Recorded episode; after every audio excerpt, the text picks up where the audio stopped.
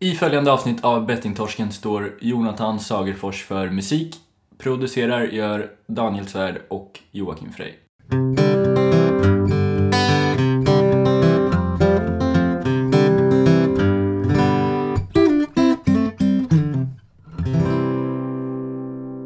Tjo! Tjo! Hej. Tjena. Är du rasslig? Ja, så in i helvete. Jaha. Är inte du det? Nej, för fan. Jag är stark och frisk och har bra eh, munvård. oj, oj, oj. Ja, eh, vill du berätta om det eller? Eh, nej, Eller är det tråkigt att höra på? nej, men jag, jag har ju förstått att ehm, eh, att, eh, att bli vegetarian har inte bara positiv effekt för min kropp. Mina, eller tänderna är- ingår i och för sig i min kropp. Eller ja, Ja. det hör ju till kroppen. Men, Mm. eh, men jag fick höra från tandläkaren att eh, en kort summering kan man säga att han eh, han förstod att jag var vegetarian för att vegetarianer har eh, mycket bättre munvård än eh, köttätare. Mm. Det var hans eh, analys eh, och efter framförallt att han tittar på mina och jag brukar ju ofta ha hål. Eh, och Mm. tidigare så skulle jag ju haft hål också enligt min förra lä- läkare men eller tandläkare. Så, så men av någon eh, mirakulös eh, eh, förklaring eller eh, ja, mirakel Mm. så, så hade jag ju inte några hål nu då. Men har du gått nu efter, de här sista dagarna då efter och så gått och speglat tänderna och tittat på dem och Mm. klappat dem och så? Eh, ja, nej, jag har mer klappat mig själv att jag, att jag väljer att eh, äta hälsosamt. För, för mig Ja. själv i alla fall. Ja. Eh, det är konstaterande. Men vad, vad, Just. varför är du rasslig? Det, det, det är jag har sagt det till dig. Du, du, för fan, du måste träna. Så du håller ditt immunförsvar i, i schack. Du, jag kan säga så här, jag tränar, jag, eller tränar jag inte, jag håller mig, jag, jag snittar ju nu efter jag började på mitt nya jobb, snittar jag ungefär 12-13 000 steg eh, om dagen. Mm. Eh, det är inte många som gör. Plus Nej. att vi kör ju personalinnebandy onsdagar. Jävla tempo där. Det- ja, det? De har faktiskt sagt till mig att jag, är- de har sagt till mig att jag ser snabb ut. Så att det tar jag som att jag är i bra form. Jo, men alltså de lärarna, och nu, nu är inte det här någon... eh, Ja, de lärarna jag träffat, de, de, de tränarna, eller lärarna jag träffat är ju 55 plus. Så det skulle ju vara eh, ganska oroväckande om du inte är snabbare än, än eh, Gert 57. Nej, men det här är inte något sådana. Det här är elitförbandet alltså. Okej. Eh, ja, det är...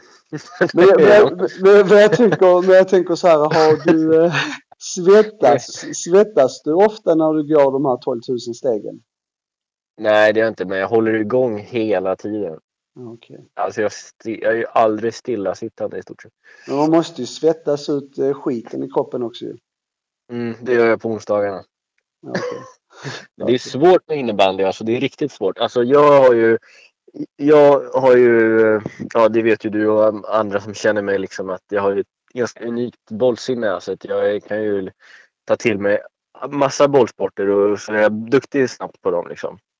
Ja, och... eh, Men innebandy, det är så jävla svårt alltså. Har du spelat mycket innebandy? Alltså först måste jag eh, svara på att, att du har en fantastisk boll. Den, Ett eh, unikt bollsinne. det- det- Ja, det, det, det, det, det, det beror på, på, vad man jämför med. Eh, Alltså jag vet ju, det finns ett par spädbarn som inte eh, har utvecklat det än. Eh, Där är du bättre.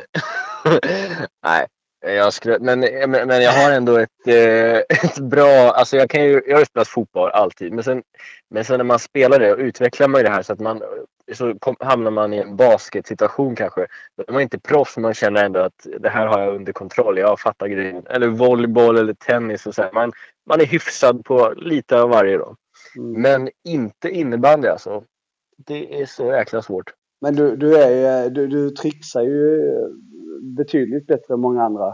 inklusive mig. Eh, Men då använder du fötterna. Det är inte så ofta du använder fötter i innebandy.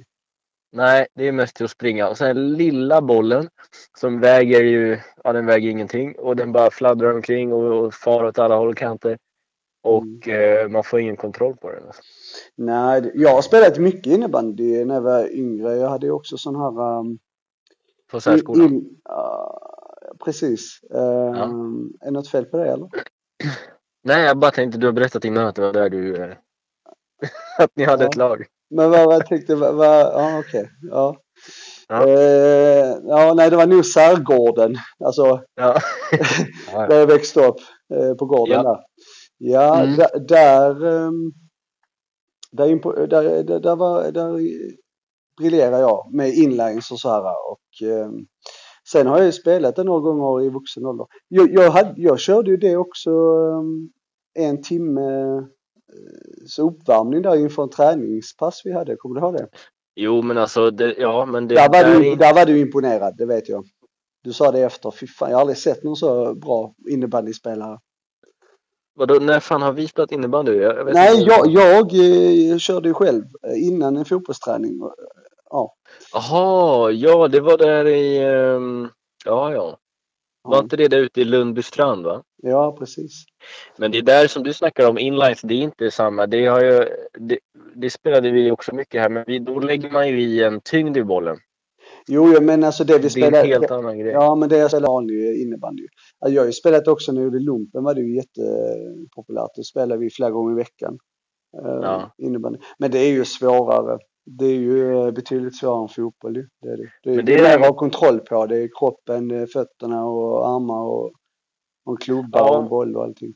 Men säg just att bollen lever sitt eget liv. Jag tänkte ju så här nu när vi skulle köra. Jag har ju spelat extremt lite innebandy. Alltså. Men så tänkte jag så här, men jag har ändå kört lite hockey och sånt när jag var yngre. Så jag tänkte det här har jag koll på läget. Men, eh, men det är just det där med att eh, i hockey, så då har du ju pucken, den väger mycket. och Den, ja, lite lättare att få kontroll på och så här. Men en innebandyboll är ju, jag vet inte, det är en konstig sport alltså. Eh, Sport är det inte, det är hobby, alltså det är en, ett fritidsintresse. Det är ju en sport. Det är, ju, Nej. det är väl en av de mest populära i Sverige också. Det är fyra kanske. Ja. Det är, ett, det är en av de mest populära hobbysarna i hela Sverige. Det är nog fortfarande i lumpen eh, den, eh, det är där man skadar sig mest i militären. Det är på Mm. innebandyträningarna. Um, Ja, Jag vet inte om den är intakt den, den eh, statistiken, men den var den då. Det var, eh, Mm. Men det, ja, det handlar väl mycket om det här med tyngden, alltså att du inte har en eh, tyngd på, alltså du, ja, det är ingen tyngd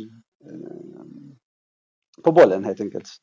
precis. Eh, det är ju lättare när man packar den med sådana här plastpåsar. Eller? Ja. Eh, jag tänkte gå över till, jag tänkte lämna lite tips och så nu. Mhm.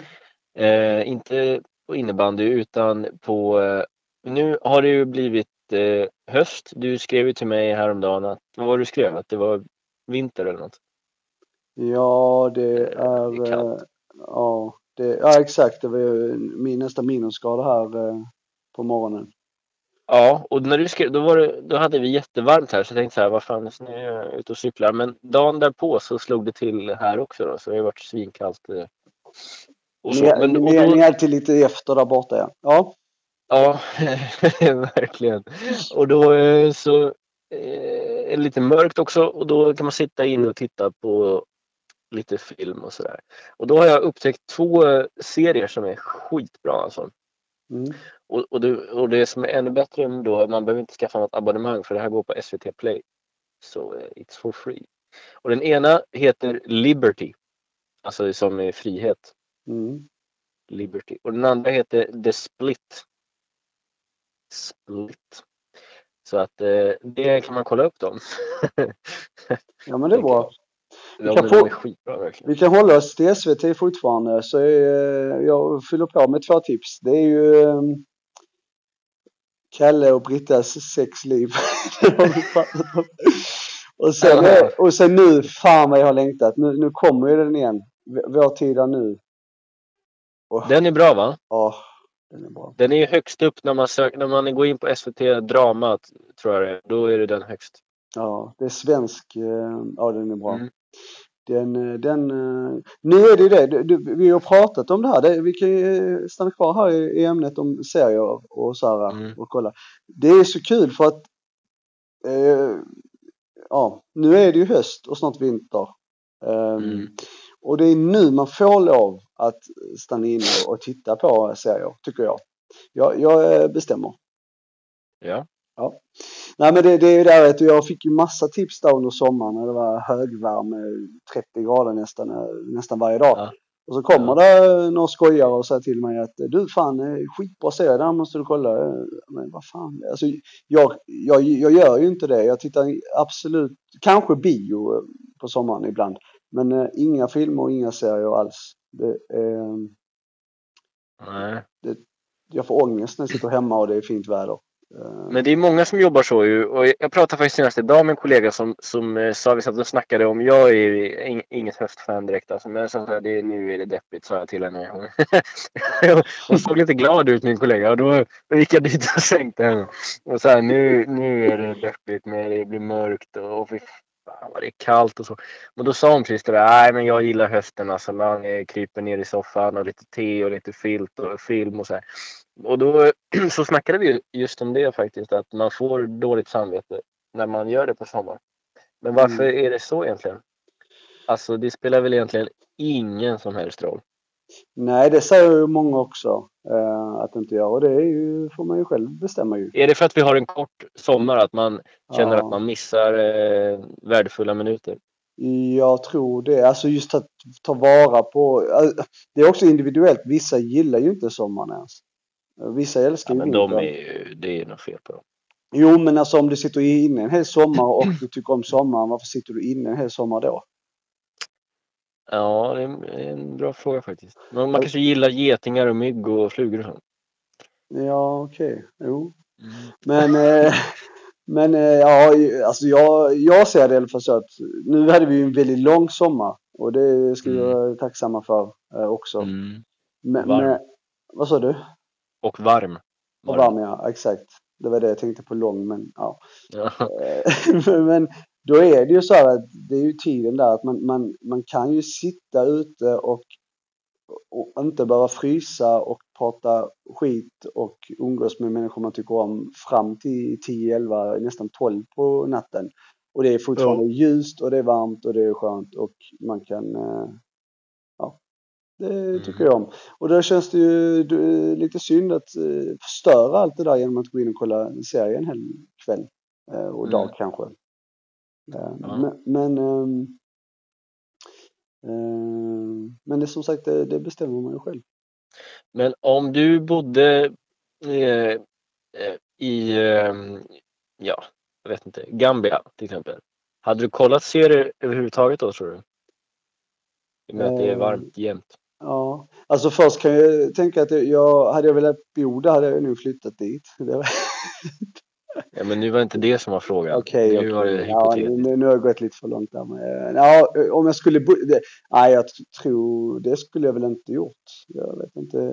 Känns inte som att det är många Gambier, jag har inte varit där nu, eh, så att jag vet inte. Du har ju varit där. Men jag tror inte det är många gambianer som tittar på serier. Jag tror inte det är deras... Ja men skit i dem. Alltså, jag menar generellt, ta Jaha. Thailand då. Eller, jag menar bara att om det alltid är schysst väder ute Ja, man kan okej. sitta ute hela nätterna. Jo, men jag har ju jobbat utomlands när, och där det har varit varmt varje dag i ett halvår. Mer än det. Och då Ja. har jag också suttit hemma vid några tillfällen eh, och kollat serier. Men det har ju varit på kvällar liksom. Ja. Men eh, inte så mycket på dagarna. Så jag hade det har nog varit samma som... Mm. Och det, detta här är väl lite det man kan uppskatta också med att bo som vi gör här. Fast man inte gillar eh, höst och vinter. Det är ju Mm. att man faktiskt får vara inne eh, och eh, göra det och hitta på inomhusaktiviteter. Och att kunna gå ut och göra vinteraktiviteter om man vill. Det är ju bra. För att, Den bästa inomhusaktiviteten är jag kan ta ett tips här då inför, inför jul tänkte jag säga, men det är stund kvar. Men, mycket men det är, eh, ja, då, den bästa, alltså alla känner till den här, det är inget liksom nytt, men det är den här eh, skeppet som, vad heter det? Fallande skeppet eller nej. Vad heter det nu? Eh, Stor, Hela havet stormar heter det. Ja. Den är, det är den bästa leken, eller hur? Alltså, Eh, ja, man har lite det. Va? Ska man sitta, hur gör man då? Man ställer upp, eh, ja, beroende på hur många man är då. Man är tio pers säger vi. Och så ställer man upp nio stolar i en, Ja, eh, liksom, det. Ja, så en stol mindre. Och så är det en som blir utan var, varje gång. ja, Och så har man musik och så när musiken stannar så skyndar man sig som fan. Och, Men den varar ju bara i fem minuter. ja, det kan man ju... Ja, det, det är bara, men jag, men jag repeat så i tre ja, ja, timmar. man kör den bara. Ja, Hela det, det är tiden. bra. Det är bättre än eh, träning kanske. För man får ju Ja, springa det är- runt där som en galning runt stolarna ju. Verkligen, man får röra på sig, man får lyssna på bra musik, man, det blir lite tävlingsmoment, lite kul och så här och lite hetsigt. Och, men jag har ju ett bra minne från, vi körde ju en gång, eh, för några år sedan firade vi jul eh, på, i ett stort hus, en, en stor del av släkten. Mm. Och så körde vi den här. Och då kom vi till final, jag då och min kusin, jag tror jag berättade det här för dig, men det är en kul eh, historia. Men då, min kusin, jag tror hon var nio då, eller något sånt här, åtta, nio. Och vi kom till final jag och hon. Och eh, när eh, musiken stängdes av i finalen så märkte jag liksom att hon var ju klart först. Hon, jag kommer inte hinna ta den här stolen. Så hon kommer vinna. Och det kan man ju inte tillåta. Det vet du hur det kan vara. Mm. Så då bara rusar jag dit och glider fram och trycker till en häftig tackling på henne. Liksom. Så hon flyger ju bort därifrån och jag sätter mig och, och vinner. Då. Så att eh, det, ja, Ja. det, det minns jag som ett ett stolt ögonblick faktiskt. Det var det första, första sista gången du vann någonting. I, i. Sista gången jag fick vara med på hela Havelstorm. Ja just det, du är den som bara sitter och spelar musiken där sen. ja, jag får alltid vara DJ efter det. Men eh, en annan aktivitet också, det är ju backgammon. Det, det vet du. Det är det man spelar. Ja, jag har aldrig lärt mig det riktigt faktiskt. Jag ska visa dig en dag. En vacker dag. Ja, Vad tänkte jag säga? En annan sak också här nu. Med, på tal om det här med tips. Ja. Nu när det blir kallt och starkt. Fan, eh, man måste aktivera sig med saker. Man, man måste hålla eh, schemat eh, fullt varje dag nästan, eh, tycker jag. Eh, Ja. Med saker man kan göra inomhus. Fotbolls, inomhusfotboll och gå på olika tillställningar och så vidare. ja. Ehm, ja. För att annars så blir vi- vintern för lång. Mm. ja så är det. Mm. Eh, du, vi har en gäst med oss. Eller inte här med oss nu, men eh, snart. Eh, ja, han är på gång in. Ja. Han står bakom de här, vad heter det, med gardinerna. Jag står och flåsar i fönstret. En sådan Ja, och frustar. Skrapar med foten i golvet. Alltså det här är så fantastiskt att vi har med en helt ny, en en gäst som har ett helt ny, har- gör någonting helt annat än vad alla andra gäster har, gör. Eller har gjort. Eller vad man säger. Ja, men verkligen. En vardagshjälte kan man säga. För många. Ehm, Ja, Jonas B. Bondesson eh, vad, heter vad, han. vad sa du att han hette? Jonas Bondesson va? Jonas Bondesson. Ja, Ja. ja. Han eh, är ju eh, skuldrådgivare. Precis. Till och med budget och skuldrådgivare. Precis. Så här, det är att jobba för kommunen i Malmö. Mm. Eh, Det är eh, det har varit efterlängtat för vi har pratat om det länge också. Eh, för det är ju eh, en viktig kugge för många som har hamnat i spelberoende. Han är, en person man egentligen ska ta kontakt med innan allt går åt helvete. Men, men många gör det Precis. efter. Ja, sådana är vi. Speltorskarna. Ja. Men jag kan säga att eh, jag har, har lite personlig erfarenhet. Jag har ju varit och träffat, en, inte Jonas, utan eh, en annan motsvarande i Göteborg. Mm. Och eh, fick ju riktigt bra hjälp där alltså. Så att det, det här är någonting på, som är på riktigt eh, svinbra liksom. Så man ska utnyttja att det finns. Mm. Mm. Rullar du in han? Yes, eh, då hoppas jag alla är redo eh, för Jonas Bondesson i bettingtorsken.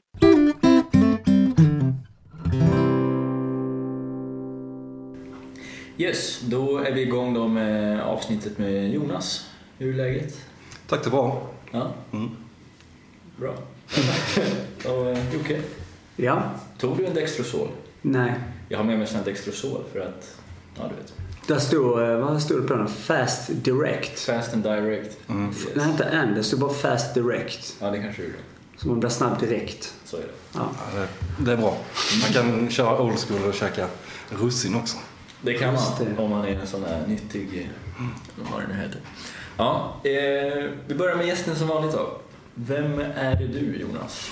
Jag är anställd av Malmö stad som budget och skuldrådgivare. En profession som ska förekomma i alla kommuner i Sverige. Mm. De flesta upplever, eller lever nog upp till det nu. Det har varit lite si och så med det tidigare, att man har eh, snålat in på denna tjänsten och så vidare. Men vad en budget och skuldrådgivare jobbar med är ju människors eh, skuldsättning, oftast överskuldsättning. Och eh, det är den funktionen jag är här idag. Mm. Överskuldsättning. Mm. Vad innebär det? Alltså det, väldigt många människor har ju skulder och det behöver inte vara något bekymmer utan eh, Mm, det är först när det övergår till överskuldsättning som det är ett bekymmer att man har så mycket skulder att man inte förmår betala det. Mm. Okej. Bra. Och förutom din eh, profession Mm. då, Mm. vad, vad håller du på med annars? Då är jag eh, familjefar kan man säga med aktivt eh, himmelsblått Malmö FF-hjärta. Det är mycket fotboll. Bra där. Mm. Okej, ja. Så det är Malmö FF, det är litteratur, det är film, det är hårdrock Mhm. kan man säga. Och min familj. Mm. Inte i den nämnda ordningen utan. Strax efter hårdrock kommer familjen. Ja. Ja. Ja, men du sa det här strax innan att du spelar gitarr. Är det i ett band eller? Är det... Nej, nej, inte just nu. Eh, Det var länge sedan men eh, det är ju elgitarr naturligtvis. Okej. Ska, ska, ska tjuta lite. Ja, ja. Cool. Eh, du känner, inte- har du lyssnat någonting på eh, podden? Inte något helt avsnitt, bara skummat igenom lite grann. Ja. Känner till det i alla fall? Ja. Du så. Ja. Har du lyssnat igenom eh, konstant så har du förstått att du är väldigt eftertraktad här i alla fall. Jaså? Vi, vi har ju sökt eh, en person som du som gärna ville eh, berätta liksom. För, för en stor del av just spelberoende och spelproblematiken är ju just den ekonomiska delen. Mm. För det är oftast där man hamnar i, alltså i botten då, ekonomiskt. Man har lån och, som man drar på sig och annat. Men ehm, eh, Ja, exakt. Nej, det jag vill komma till i alla fall är hur, eh, hur, hur märker du av i ditt arbete om just spelberoende? Är det något som dyker upp ofta i ditt jobb? Ja, det är faktiskt ganska ofta. och eh, det är ju då de gångerna där det, där det är uttalat. Sen är det ju så med just spelberoende, vilket ni är väl bekanta med, att man luktar ju inte spel. Vilket gör att eh, har du ett eh, riskbeteende eller ett missbruk eh, så kan du helt enkelt undanhålla detta. Ganska så länge och skylla på andra faktorer. Så att eh, många av dem som vi träffar eh, som då där kan man ju kanske ha en känsla av att här finns ett svart hål i ekonomin som inte är uttalat. Och då kan det ju vara spel, det kan vara andra faktorer men eh, Eh, dels finns det ett, ganska, ganska många som vi träffar där de faktiskt säger att det beror på spel.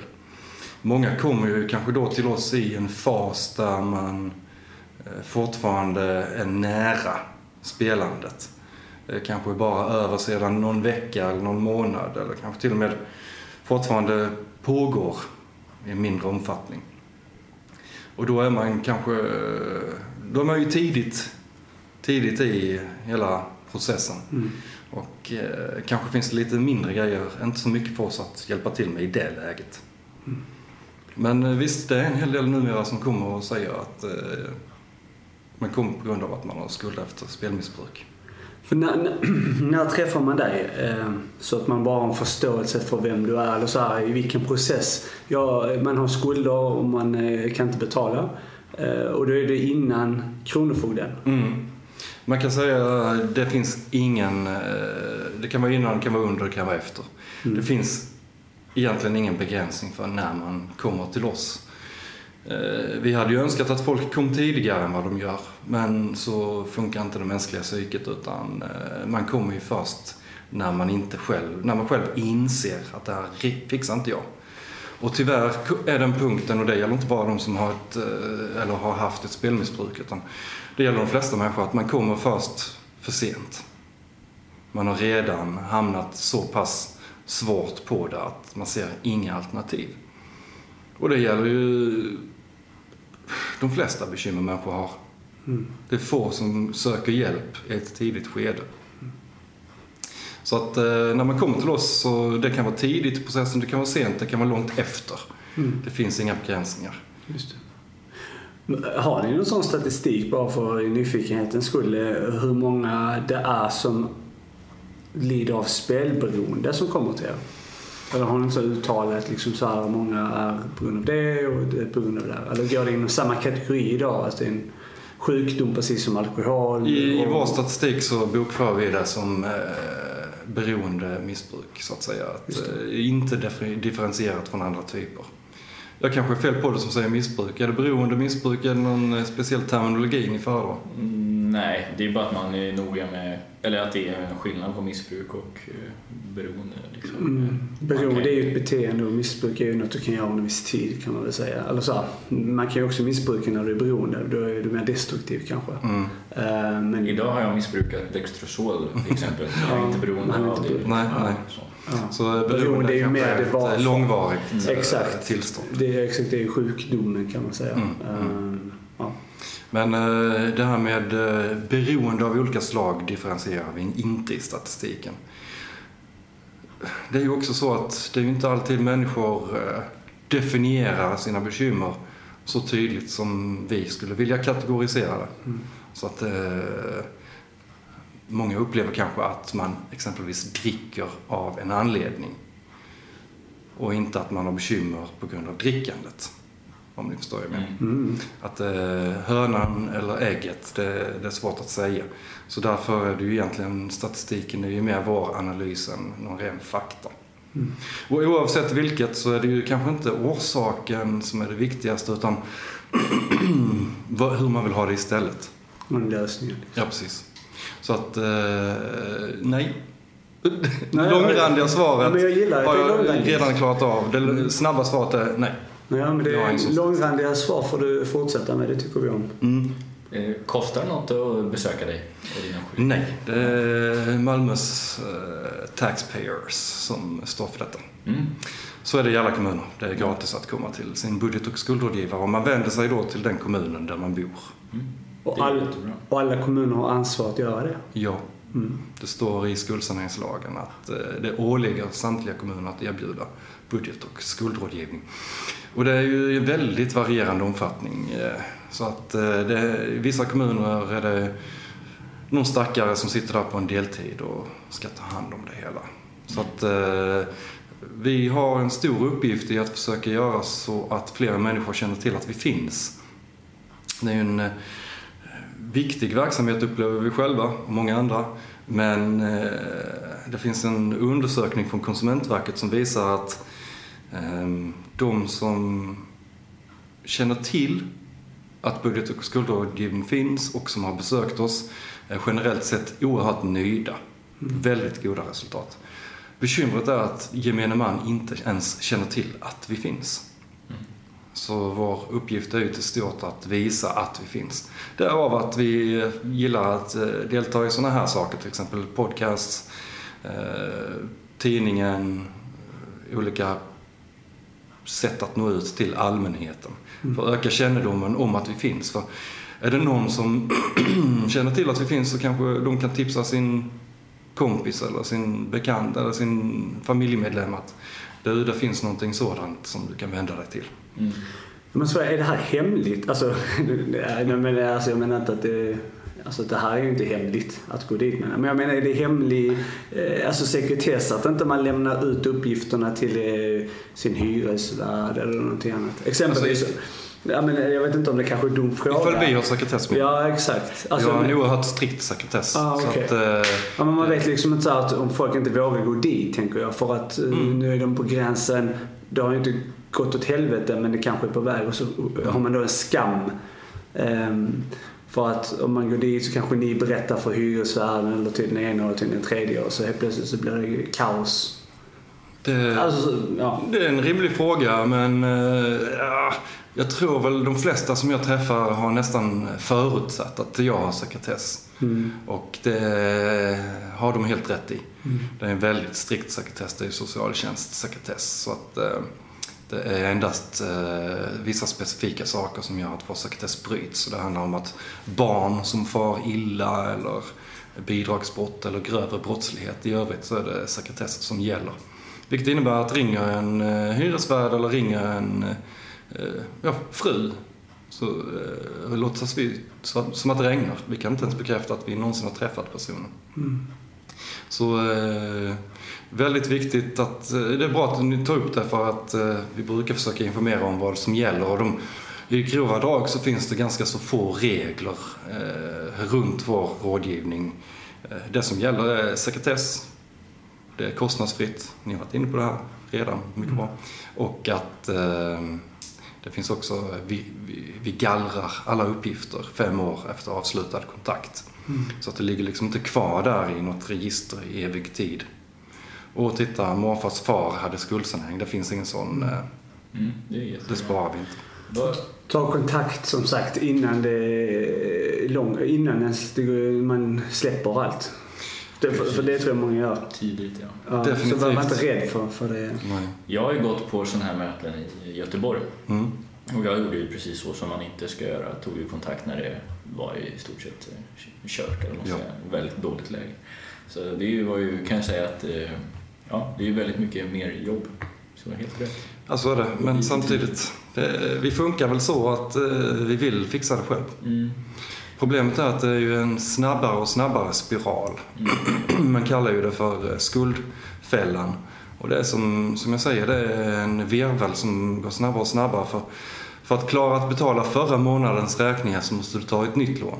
Mm. Alltså det börjar kanske med lån för att spela eller man har gjort av med pengar på spel och måste låna för att betala. Ja, man spelar upp sin lön Precis. Mm. Och så till slut så, alltså väldigt få kronor går till någonting roligt, är min upplevelse. Utan det går till sådana tråkiga saker som hyra och mat. Det är liksom inget glam för de här pengarna som eh, man lånar upp. Och för varje lån du tar, desto fler upplysningar, eller ju, fler Som en ränta får du. du får sämre och sämre ränta ju fler förfrågningar du har på de här eh, kreditkollföretagen som Upplysningscentralen och liknande. Vilket gör att för, för i början får du kanske schyssta räntor och sen så blir det värre och värre. Till slut sitter du där med 36 procent eller någonting. Eller ännu värre. Mm.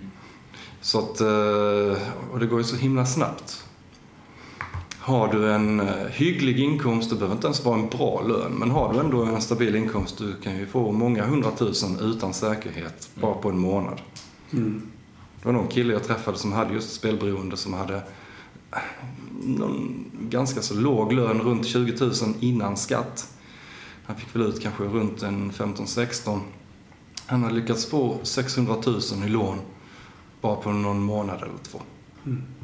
Det kunde ju han aldrig reda ut. Nej, det är ju lån, låneinstitut eller lånebolagen som... eh, Ja, det, är, det funkar inte kan man säga. Nej, det är inte en riktigt fungerande marknad och ofta är det ju... Det, är ju- det krävs alltid två parter för att ingå ett avtal. Men när det sen inte funkar, då är det oftast endast en av dem som står där med skammen. Mm. Och det är ju inte den som lånar ut pengarna kan jag säga. Fast, det, fast de borde. Det borde de skam. definitivt. Där finns eh, många företag som borde se över sina etiska förhållningssätt till att låna ut pengar. Det är också mer eller mindre att eh, kasta pengarna efter folk emellanåt. Innan man går- vidare och, och, och pratar om hur, man, hur ni jobbar, liksom, för det är ju intressant. Liksom, hur tar ni kontakt med eh, ja, och så vidare. Men jag måste bara, du sa i farten här eh, när det gäller sekretess att när du ser att det är någon fara för barn till exempelvis. Det här är en jätteintressant fråga, Mm. tycker jag själv. Det är för att jag själv ställer den.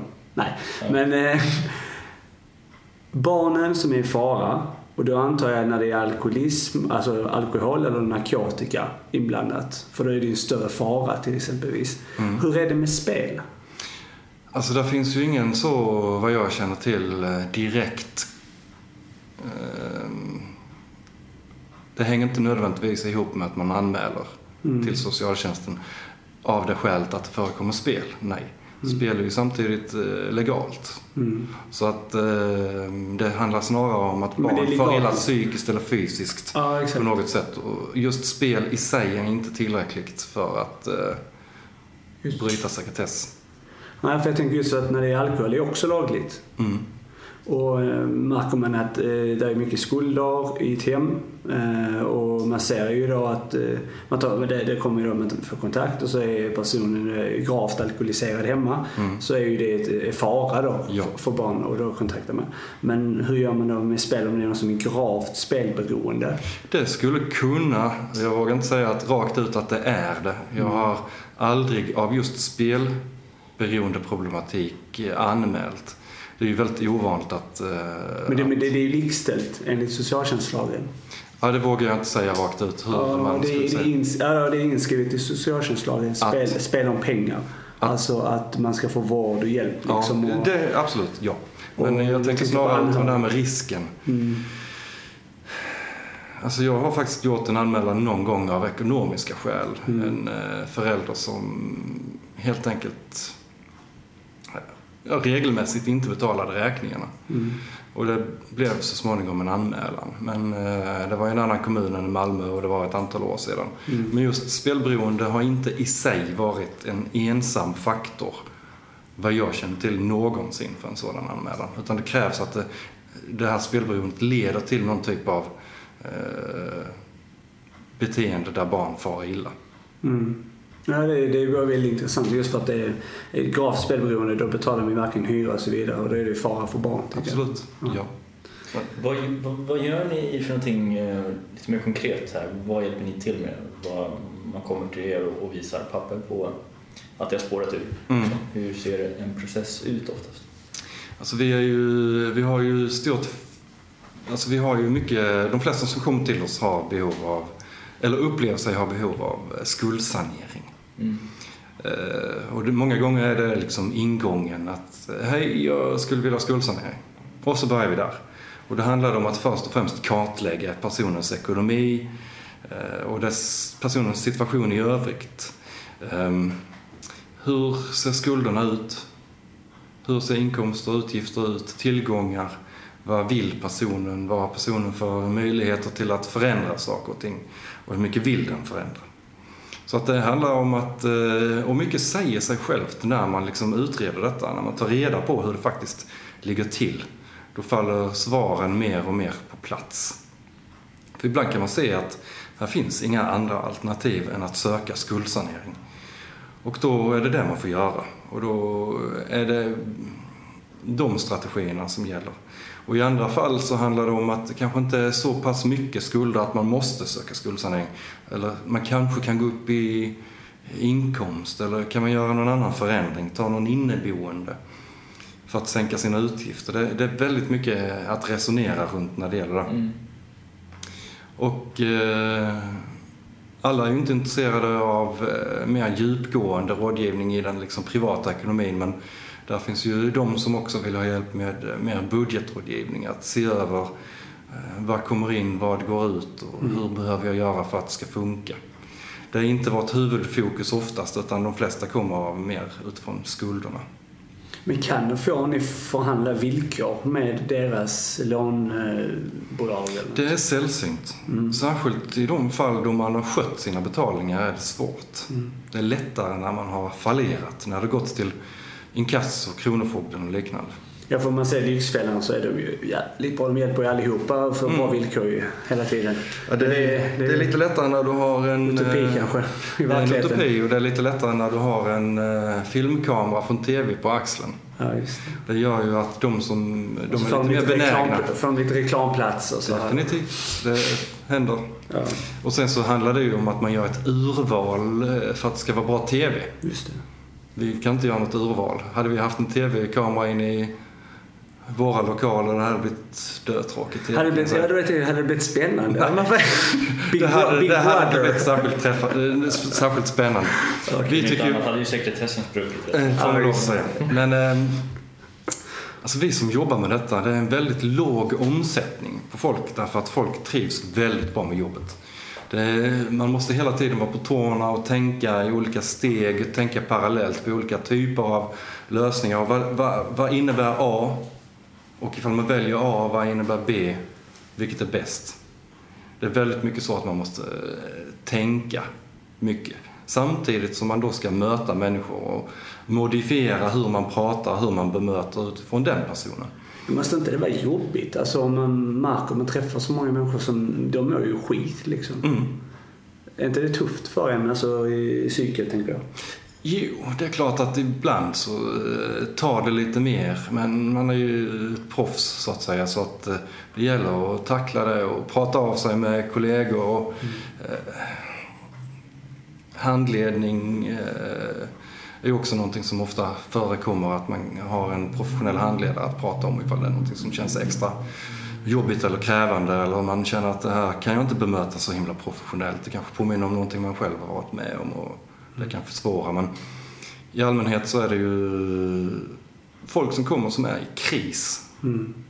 Och det gäller att vi tacklar det på det sätt som passar den personen bäst. Ibland är det liksom mer så att säga en klapp på axeln och i vissa fall är det mer strikt struktur. Mm. Och att det blir en livlina för människor att greppa tag i. Att eh, kommer man till oss så man kommer ju inte till oss för att man vill träffa en kurator, för vi är inte kuratorer. Utan man kommer till oss för att man vill få någon typ av väg framåt i livet ekonomiskt. Och då är det ju det vi ger. Höra sanningen. Höra sanningen, ja. Sen har vi ju... Eh, alltså folk har en eh, god förmåga att klandra sig själva. Så det behöver inte vi göra. Mm. Så de vet ju att de har gjort fel. Det, vi har inget behov av att eh, säga till folk att de har gjort fel för det. Det vet de. Eller så har de gjort rätt, men det har ändå inte funkat av många olika skäl. Det är ju vanligt att en skuldproblematik uppstår inte av ett enda skäl, utan flera. Många gånger är det så att har man skulder av ett skäl så kan man ofta lösa det. Men har man skulder på grund av flera skäl så är det ofta svårt. Men eh, det måste ju ändå, du sa att eh, de flesta trivs med sitt jobb som Mm. jobbar med det du gör och det kan jag tänka mig att det är ju, det måste ju vara en väldig tillfredsställelse att se man hjälper många Ja. som är ur den här situationen. Och sen det här med, med kurator och så, det är ni ju inte men ni blir ju ändå det på ett sätt för, för jag vet ju själv och, och alla som har spelat att man får ju en jävla ångest över alla räkningar som Mm. kommer och det känns som att när man sitter hemma och öppnar brev så är det som att det här kommer ju aldrig gå liksom. Ja. Det är kört för mig. Det är bara att flytta till någon annanstans, liksom fly landet typ. Men så, och så tänkte jag, jag var, det var ju en reell... eh, Fly verkligheten. Ja, Mm. jag drar härifrån, jag river mitt pass och bor någonstans i... Så. I djungeln. Mm. Det, ja men faktiskt, det är Ja, men det många, och sen kommer man till er och då är ni professionella och ni kan så styra upp det. Men det är också, I de flesta fall så är det ju inte så farligt som man har tänkt sig själv utan att du har de här skulderna och Mm. du ska lösa det. Så det är ju väldigt terapeutiskt, upplever jag i alla fall. Ja, många upplever ju, alltså, och så är det ju mycket här i livet, att det du inbillar dig är oftast värre än verkligheten. Och det Mm. gäller ju inte minst det här också. Men det är ju så med skulder och med skuldsanering och olika lösningar att ibland så det finns en inbyggd eh, motsägelse i det hela. Det är lättare att få skuldsanering ju mer kört det är ekonomiskt. Vilket gör att ibland så är det svårare att få skuldsanering om man jobbar och tjänar mycket pengar. Än ifall du är långvarigt arbetslös. Så att det, ibland så är det, det, det är svårt att väga. Man måste se varje enskilt ärende och väga detta emot varandra. Mm. Så det, det, och det, det gör ju också att vårt, vår analys blir väldigt viktig utifrån vad vi får in för uppgifter. Och då när vi hjälper folk att få den här blicken in i framtiden och klarhet över hur faktiskt situationen ser ut. Det är då vi landar någonstans i vad finns det för möjliga lösningar. Mm. Och det kurativa, alltså vi är ju inte kuratorer även om det blir att många upplever ju kontakten med oss som en väldig lättnad. Även om det kan vara tuffa och raka besked så är det ändå ett besked snarare än att bara gå omkring och känna den här ångesten som du nämner. Och jag- mina kära kollegor i Lund, Marie och Camilla, de berättade någon gång om det var en läkare som ringde och undrade vad har hänt med den här personen? För de hade träffat en kvinna som under många, många år varit väldigt, väldigt sjuk och mått väldigt dåligt psykiskt. Och eh, den här läkaren ringde och undrade vad har ni hittat på? Hon är ju frisk. Ja, hon hade fått skuldsanering. Mm. Hon upplevde det som en sån lättnad att hennes läkare ansåg att hon i princip hade blivit, blivit frisk. Så det gör ju väldigt mycket med människan att känna ekonomisk oro. För den går ju inte över.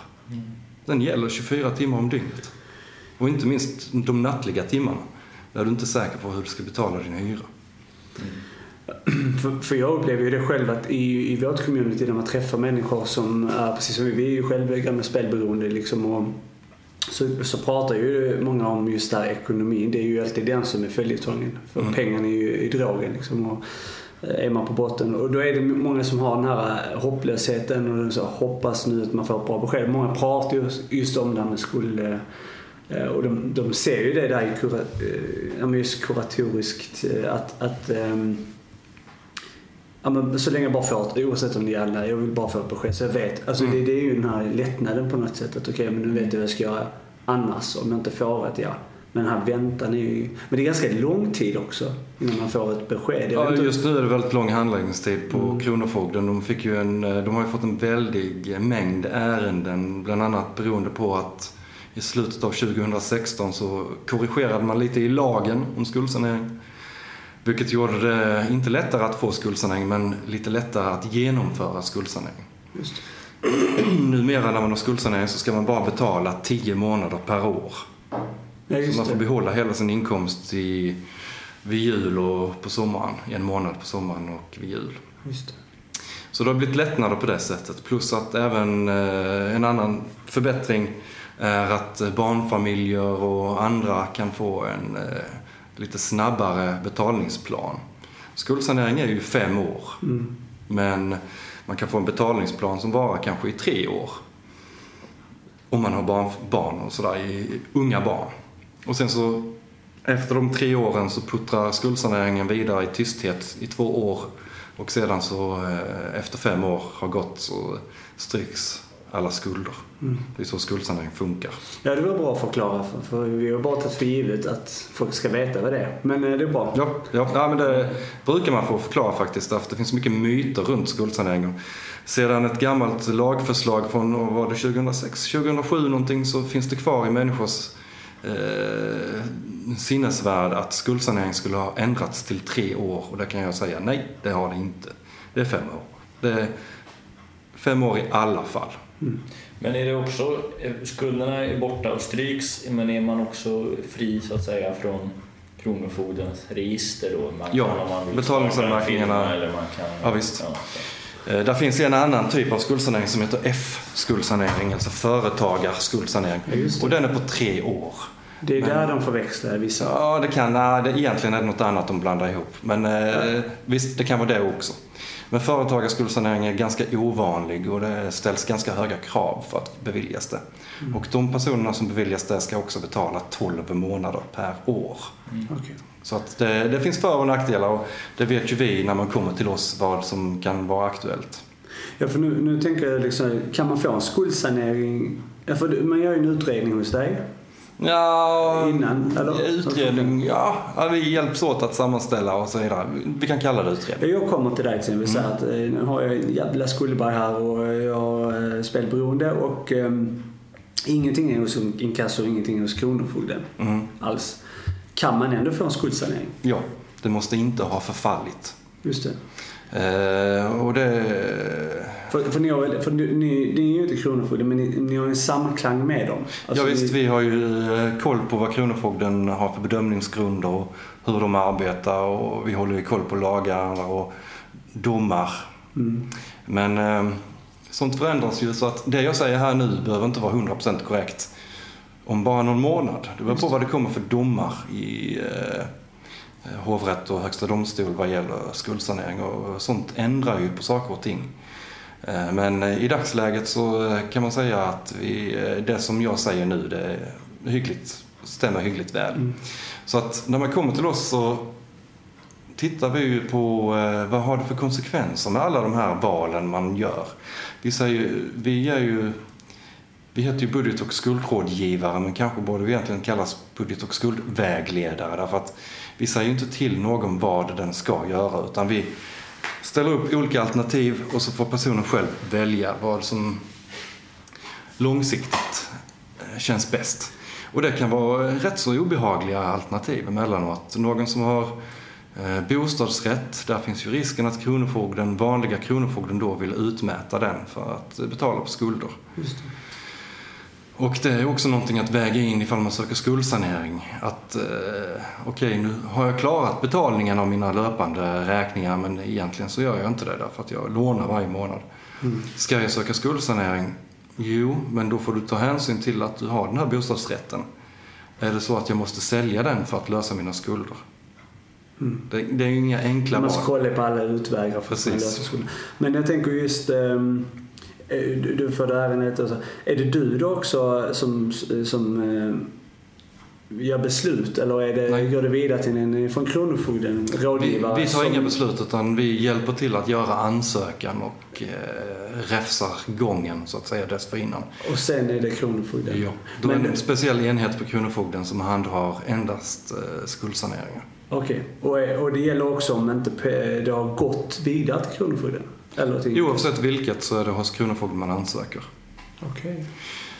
Och de, eh, de har ju lite annorlunda uppdrag än den vanliga Kronofogden. Mm. Vanliga Kronofogdens uppdrag är ju främst att helt enkelt dra in pengar till de som, eh, som äger skulden. Just. Det är den ena grejen. Men samtidigt så finns det också en, en skydds faktor hos Kronofogden. Därför att vad vi upplever är att många betalar egentligen mer än vad de egentligen klarar. De är tvungna att ta ifrån sitt existensminimum och ligger alltså under existensminimum bara för att betala, betala, betala. De har en väldigt hög betalningsmoral. Och då kommer Kronofogden in dels som, den ena faktorn är att de ska dra in så mycket pengar som möjligt men den andra är att de ska också se till att folk har tillräckligt med pengar för att köpa mat och kläder. Så det är en skyddsfaktor också. Mm. Men eh, är det större möjlighet att få eh, skuldsanering om man går via er än om man gör det helt på egen hand?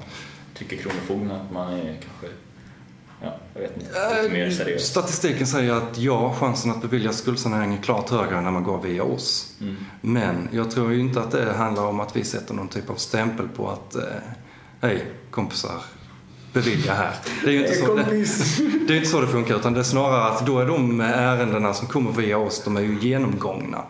De har fått god rådgivning och de kanske emellanåt också avvaktar med att ansöka. Tills man är i en situation som är bättre. Det är ju någonting som är viktigt, inte minst när det gäller spelberoende, att skuldsanering får man egentligen en gång i livet. Mm. Eh, det är huvudregeln. Det finns vissa tillfällen då kan man, man kan beviljas det en andra gång men de är sällsynta. Och det innebär att man ska ju inte hasta in i att söka skuldsanering. Skuldsanering är inte lösningen på ett spelberoende, en spelberoendeproblematik utan problematiken som man har upplevt i sin ekonomi måste vara löst innan man söker skuldsanering. Och det kan ju vara en process som handlar om år innan man är i läge. Därför att skulle du beviljas skuldsanering i ett läge där du fortfarande är eh, tvivelaktigt spelfri, då har du kanske satt dig i en situation då du riskerar att krascha din enda chans till att få skulderna avskrivna. Så därför är det ju också någonting vi ofta jobbar med, att, och det är ju Kronofogden också på det klara med, att de vill ju se att beror skulderna på att man har haft ett spelberoende, då vill de också se att man har agerat för att eh, hindra eller minska risken för att uppstå igen. Ingen kan ju någonsin säga att man är garanterat fri från sitt beroende. Men, och det gäller ju alla typer. Men kan man visa att man har genomgått någon eh, behandling, kanske någon eh, öppenvårdsbehandling eller eh, att man har något annat, något, man kan visa på något, då ökar sannolikheten för att man beviljas skuldsanering också. Ja, som att man ska lämna ett intyg att man eh, har gått på KBT-behandling eller man är på spelberoendeföreningen eller det, självhjälp, inte, ja, självhjälpsgrupp. Eh, till exempel. Det är till hjälp såklart. Mm. Och, man och inte minst, alltså egentligen så är det ju också så att många som kommer till oss är rätt så hetsiga om att de vill ha skuldsanering helst igår. Mm. Och då kommer man ju till den diskussionen också. Hur tryggt är det att söka skuldsanering när man endast har haft en veckas spelfrihet man sitter hos oss och säger nu har jag bestämt mig, nu ska jag aldrig spela igen. Mm. Det har vi ju hört förr så att säga. Så att eh, även om man är väldigt motiverad så måste man skaffa sig verktyg. Ja. Och det kan man ju få bland annat genom GA, Spelberoendes förening eller andra typer av öppenvårdsinsatser. Spelberoendegruppen. Det finns ju olika självhjälpsgrupper. Men eh, ja, för ni kan ju inte titta med kikare på vad de gör om dagarna fast de ändå visar ett intyg. Alltså, vet, det är ju väldigt får man ju komplicerad själv. fråga.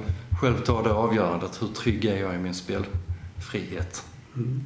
Men eh, visst är det, bara tillbaka lite här med bostadsrätt så, visst är det väl så att om du har tillgångar eh, av den digniteten så, så måste du sälja av dem om du får en skuldsanering? Ja, eh, eller innan du ens kommer i, innan det ens blir aktuellt. Ja, Det och beror du kan på inte ha en mycket- bil heller som är värd 400 000 Nej, du, du får inte ha för högt värderade tillgångar. Du får ha bil om det är så att det krävs för att du ska ta dig till och från arbetet. Det är hela tiden en bedömningsfråga. Men då får du skaffa en billig, billigare... Typ, ja. Då ska Som den du får laga hela tiden. Ja, visst. ja, men det är Det är ju så en det nackdel Det- Den får vara värd runt en 30 000 någonting sånt. Eh, Men när det gäller bostadsrätt så finns det också vissa regler därför att det går ju upp och ner beroende på hur marknaden ser ut hur mycket en bostad anses vara värd. Mm. Så att där tillåter man ett övervärde på runt en 200 000. Det vill säga att den är kanske värd en miljon på marknaden, lånen är på 800 000. Det kan godkännas. Mm. För nästa år kanske det är övervärdet bara är 100 000 och nästa år är det kanske noll. Så att man tillåter ändå, just när det gäller bostäder, för bostäder är ju egentligen inte bara en tillgång utan också ett boende. Ja, det är ju inte utgifter men en bostadsrätt kan ju vara billigare kostnad i månaden än vad en Mm. hyresrätt är. Det är dock inte någonting eh, som man fäster jättestor vikt vid eh, Okej. utan det är främst ifall det är en tillgång eller ej. Sen får man inte bo för dyrt heller. Men kan kan man ju få avslag på skuldsaneringsansökan. Ja. Men kan det också vara så här att man kanske gör en bedömning att om det är väldigt dåliga tider kanske då för att sälja lägenhet eh, kan det vara så att Kronofogden säger att Nej, men vi, du får behålla den nu för vi tror att om två år så, så kommer den ha värde 20% mer och då kanske du kan lösa hela din skuld bara genom att kränga av den liksom. Min, min erfarenhet... De använder som fastighetsanalytiker. Jo, men Ja. de, de kan Ja, det är intressant. ju de också. Mm. Att vi, de ser att vi kan få in alla de här pengarna på, ett, på en affär om vi låter person X behålla sin... Ja. Nej, den, eh, den tag till. diskussionen har jag aldrig hört hos Kronofogden. Nej. De gör eh, en De här och nu-bedömning snarare. Mm. Eh, sen så är det kanske någonting som vi kan diskutera med personen i fråga snarare. Men vi är också sällan in i en sån bedömning av framtida eh, händelser på bostadsrätts eller bostadsmarknaden. Mm. Det är väldigt, väldigt hypotetiskt och vi, vi, vi är väldigt försiktiga med det. Vi har ju också ett ansvar att inte ge råd som kan göra att någon hamnar i Nej, sämre sits. Det kan ju bli tvärtom. Verkligen. Vad händer om det uppstår någon typ av eh, kris eller krig eller så som påverkar världsmarknaden? Då har vår analys kanske varit helt fel. Mm. Så att nej, just sådana saker är intressanta men inget vi ägnar oss åt. Mm. Nej. Det var relevant och intressant fråga faktiskt. Ja, det var Det Kan vi ta som ett tips kanske till kronofogder att de Ja. får eh, Ja. Se över eh, bostadsmarknaden. ja, en helt ny avdelning i Kronofogden. Alltså, det det Eller, eller, eller, så, och eller, så här guld eller något annat som Mm, kan mm. stiga i värde. Du borde köpa Precis. lite guld. Ja, precis. Ja. Jag har en Nintendo 8-bits. Den kan gå upp om några år. Ja, men den har väl gått upp. Det har den. Mm. Ja, du har det i Ja. ditt skåp. Det låter jag osagt. Kanske kommer hem, kommer, kommer hem någon mig. Men de, de gör faktiskt så, det på sätt och vis, det är ändå en väldigt intressant fråga, därför att de gör prognoser inför framtiden. Mm. De tittar ju in i framtiden, men när någon söker skuldsanering så gör de en prognos för, okej, hur kommer den här personens ekonomi att kunna utvecklas de närmaste 10-15 åren? Mm. Beroende på hur gammal personen är. Är den någon som närmar sig ålderspension så får man ju utgå från att det blir ju inte mycket bättre. Oftast. Ja, det, där, det där fick ju jag som ett argument att jag fick ju avslag då. Mm. Och eh, då sa de just det här att du är ung och ja, eh, fortfarande relativt attraktiv på arbetsmarknaden. Ja. Det kommer lösa sig. Mm. Typ sådär. Ja. Det är ändå skönt att höra att man är attraktiv. Att man är, ja, Absolut. vad menar ni utseende? Ja, jag jag skickade en bild förmodar jag. Ja, ja, Ja. visst. Ja. Ja, det, är, det är så svårare att få skuldsanering ju yngre du är. Därför att du, det är ju allt för hoppfull situation. Mm. Om man Ja. uttrycker sig så. Men sen baseras det väl också på hur stor skulden är också. Ja, och hur höga räntesatserna är också. Mm. Därför jag menar, du kan ha ganska låga skulder men eh, ofantliga räntesatser. Så att även om du kan betala kanske 10 000 per månad Mm. så kanske 8 000 av dem går till räntor. Mm. Vilket gör att det sjunker väldigt, väldigt långsamt. Så sånt behöver man också väga in. Men också där, har du bytt till så billig bostad du kan och, och så vidare. Samtidigt ska man inte bo i ett litet kyffe och liksom ha det jobbigt och dåligt utan eh, man ska ju ändå ha en stabil, okej tillvaro. Så man ska ju inte flytta till liksom något råtthål bara för att eller kan, om man tycker att det inte är det viktigaste så kanske det är en lösning. Men eh, hela tiden är det den här avvägningen och titta in i framtiden. Att står jag ut med att ha det så här i tio år? Eller inte? Så att det är där vi också diskuterar med människor vilken, vilken lösning som kan vara aktuell. Mm. Kan man söka skuldsanering obegränsat antal gånger? Ja. Okej, det är bra. Vi stä- vi ställer tusen frågor här nu bara för verkligen... Ja, men det är bra. Ja, men det är viktigt för Ja, men det är vi, har många fråga. lyssnare som sitter, står i begrepp att ta tag i sin Mm. ekonomi. Och. Och denna frågan eh, kommer med jämna mellanrum. Mm. Och det är till och med så att jag säger det utan att folk har frågat därför att jag vet att det är någonting som folk har funderat på. Mm. Så det är bra att ta upp det. Att eh, söka skuldsanering kan man göra hur många gånger som helst och en rekommendation vi har är väl ungefär att avvakta ett år, sök igen. Mm. Om det är så att du fått avslag. Därför att då eh, eh, kan saker och ting ha bedömningen hos Kronofogden kan bli annorlunda av det skälet att man tycker att okej, situationen är likadan. Så att det har inte blivit bättre för dig. Nej. Då ökar kanske chansen för att få det igen. Eller så har man visat att okej, nu har jag varit spelfri ytterligare ett år. Det är också positivt. Mm. Men hur gör det? För att vi har hört eh, under den tiden man är i den här processen eh, så får man ju ingen utmätning på ens lön via Kronofogden. Om man har Kronofogden. Det stämmer. Och de har inte rätt att ta mi, alltså pengar då. De har det ifall du får in någon ny skuld till Kronofogden. Ja just det, som inte har med... Som inte har med eh, skuldsanering att göra. Ja just det. Om du skulle Om- skippa att betala någon räkning så går den till Kronofogden och då kan de göra utmätning. Eh, Då ska du både betala i utmätning Ja, för jag har fått höra att man bara ska släppa, alltså det har jag fått höra, eh, att se om det är rätt, att man ska släppa bara allting. Eh, och inte betala något utan man ska lämna det. Eh, Menar när du söker till-? Ja, när man söker. Och ehm, ja, det, det har jag hört. Jag, vet inte. Alltså att man, Alltså, om man ska har massa skulder så ska man slä, så är man i processen och då säger man att nej men eh, du ska inte betala något utan du ska låta det ligga där eh, tills du får det en, eh, ett besked. Man ska ju betala sina nya räkningar så att säga. Många som kommer till oss har helt enkelt struntat i till exempel trafikförsäkrings... eh, Eller, Ja men det är ju ny, det är ju ny. Men jag menar om de här gamla räntorna och allt vad det är på de här skulder man söker skuldsanering för. Mm. De betalar man inte längre. Nej, det är ofta klokt att sluta med det och kanske fokusera istället på att göra sånt som tandvård, glasögon, eh, ny säng. Sådana saker som man kanske har hamnat långt efter med under många år. Så att eh, i det läget, ja. Men är det så att man sitter med massa extra pengar, visst det kan vara bra att spara undan lite grann men det, det, det ses, ses inte som helt okej att bara sitta och eh, strunta i betalningarna helt och hållet heller. Så att det beror lite på hur situationen ser ut. I vissa fall ja, i vissa fall delvis och i vissa fall nej. Ja för nu kommer min riktiga fråga då. om man då får avslag. Mm. Då kan man ju söka igen. Mm. Men vad händer då? Ska man fortsätta låta det vara tills man får nästa besked? Eller? Då Alltså i det läget så kommer det något förmodligen att gå till utmätning. Ja just det, Så okej. att eh, då eh, styr du inte riktigt över det själv utan eh, då kommer Kronofogden att eh, börja dra pengar. Mm. Okej. Och då är det ju bra ifall du redan har sett till att du har tänderna i ordning. Att du har glasögon som funkar. Att du har en decent eh, hemutrustning. Mm. Det är ju tyvärr allt för många som kommer till oss som har bristfällig tandstatus och har dratt sig för att fixa det och liksom gått i många, många år utan att gå till tandläkaren för man har inte haft råd. Men det är så. Det är någonting som Kronofogden kan eh, godkänna som en utgift. Likadant glasögon. Ifall man har ett kostnadsförslag, prata med sin Kronofogde så kan de godkänna det. Det är väldigt många som inte känner till det. Mm. Ja, alltså, ja, det är ju skitintressant. Bra information. Jag har massa frågor egentligen. Men... Jag hade en jättebra fråga som jag glömde bort. För Åh. att jag hade så många frågor i huvudet. Jag skulle skrivit ner det. Men Mm. eh, Men jag eh, försvinner förhoppningsvis inte från jordens yta inom det snaraste utan eh, ni får gärna återkomma till mig eller Jo, så det- kanske vi har någon eh, rematch. Ja, nej, men jag, jag hade faktiskt här, nu kommer jag på. Mm. Ehm, så jag tar den här tillfället för vi måste snart börja runda av här. Ja. Det är, vad är den vanligaste frågan du får? Som kom, alltså personer som kommer till dig, vad är den vanligaste frågan du får?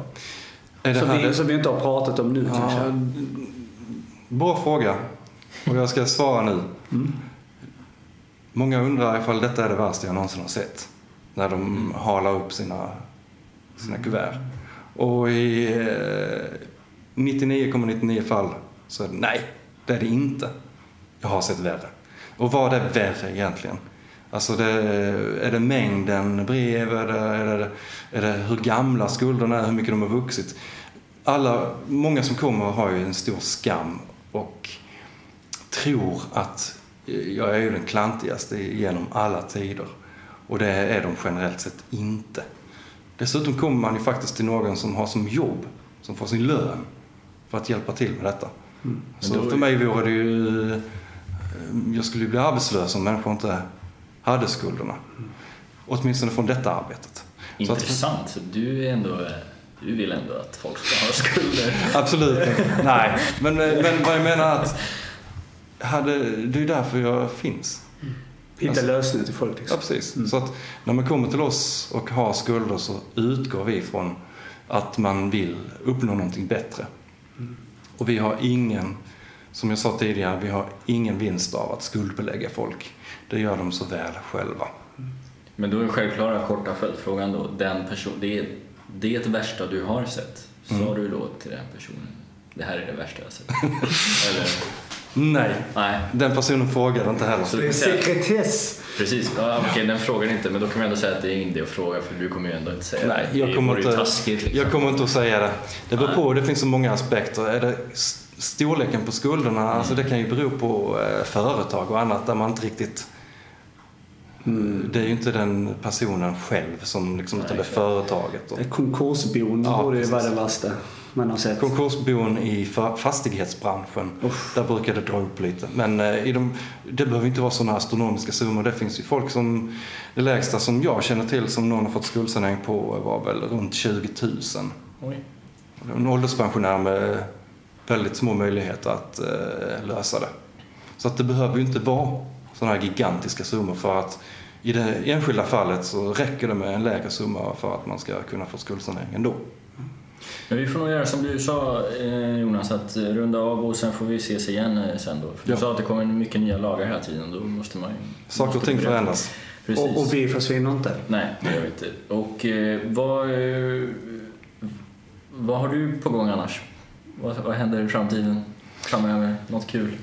Ja, det är ju eh, eh, naturligtvis att avancera i Europa. Bra sagt. Malmö FF då Bra naturligtvis. sagt. Jaha, jag trodde Men- du skulle säga avancera i typ jobb. Du är ju en karriär... Ja, det är kommunen. Eh, Här är ju, eh, här är ju eh, budgetskuldrådgivare är budgetskuldrådgivare. Ja, det är punkt slut. Ja, okej. ja. Jag Så hoppas att- också på att Malmö, även om det inte är mitt lag, så Mm, det är bra. Men det finns ju andra, inga andra lag att heja på. Nej, jag har ju sagt det tidigare. men Ja. Ja. Men i det professionella så eh, det som är på eh, banan är att vi ska försöka öka vår synlighet gentemot allmänheten så att ännu fler människor känner till att vi finns. Bra. Och vår förhoppning är ju att de ska komma till oss utan att känna skuld och skam. Gött. Eh, sista fråga som jag brukar runda av med, eller eh, nu har vi ju snackat runda av mycket, men sista frågan i alla fall är vad har du att rekommendera oss i livet? Och det behöver inte handla om eh, skulder, spelberoende, det kan vara vad som helst. Någon typ av livsvisdom. Det är det vi alltid lämnar till den som sista fråga. Ja, det skulle jag ju tänkt igenom så jag kunde göra en sån här Winston Churchill något bevingat. Ja, just det. Men eh, ja, det, det får nog bli en sån enkel sak som att eh, Heja på MFF. Nej. Nej, det, det tillhör de eh, viktigare grejerna naturligtvis. Men det finns nog viktigare än så. Ja, men det är att eh, försöka vara ärlig. Det tror jag man... Eh, både ärlig gentemot sig själv men också ärlig gentemot sin omgivning. Att, eh, att hila in sig i eh, tveksamhet och lögner och eh, att dölja saker och ting. Vissa saker behöver man kanske inte vara öppen och tydlig med så att säga. Allt behöver man, det är inte alltid av godo att vara 100% ärlig. Man kan ju vara lite trevlig mot folk också. Men att i allmänhet vara eh, ärlig mot sig själv och andra. Det tror jag man kommer väldigt långt på. Snyggt. Bra. Stort tack för att du ville vara med. Tack för att jag fick vara med.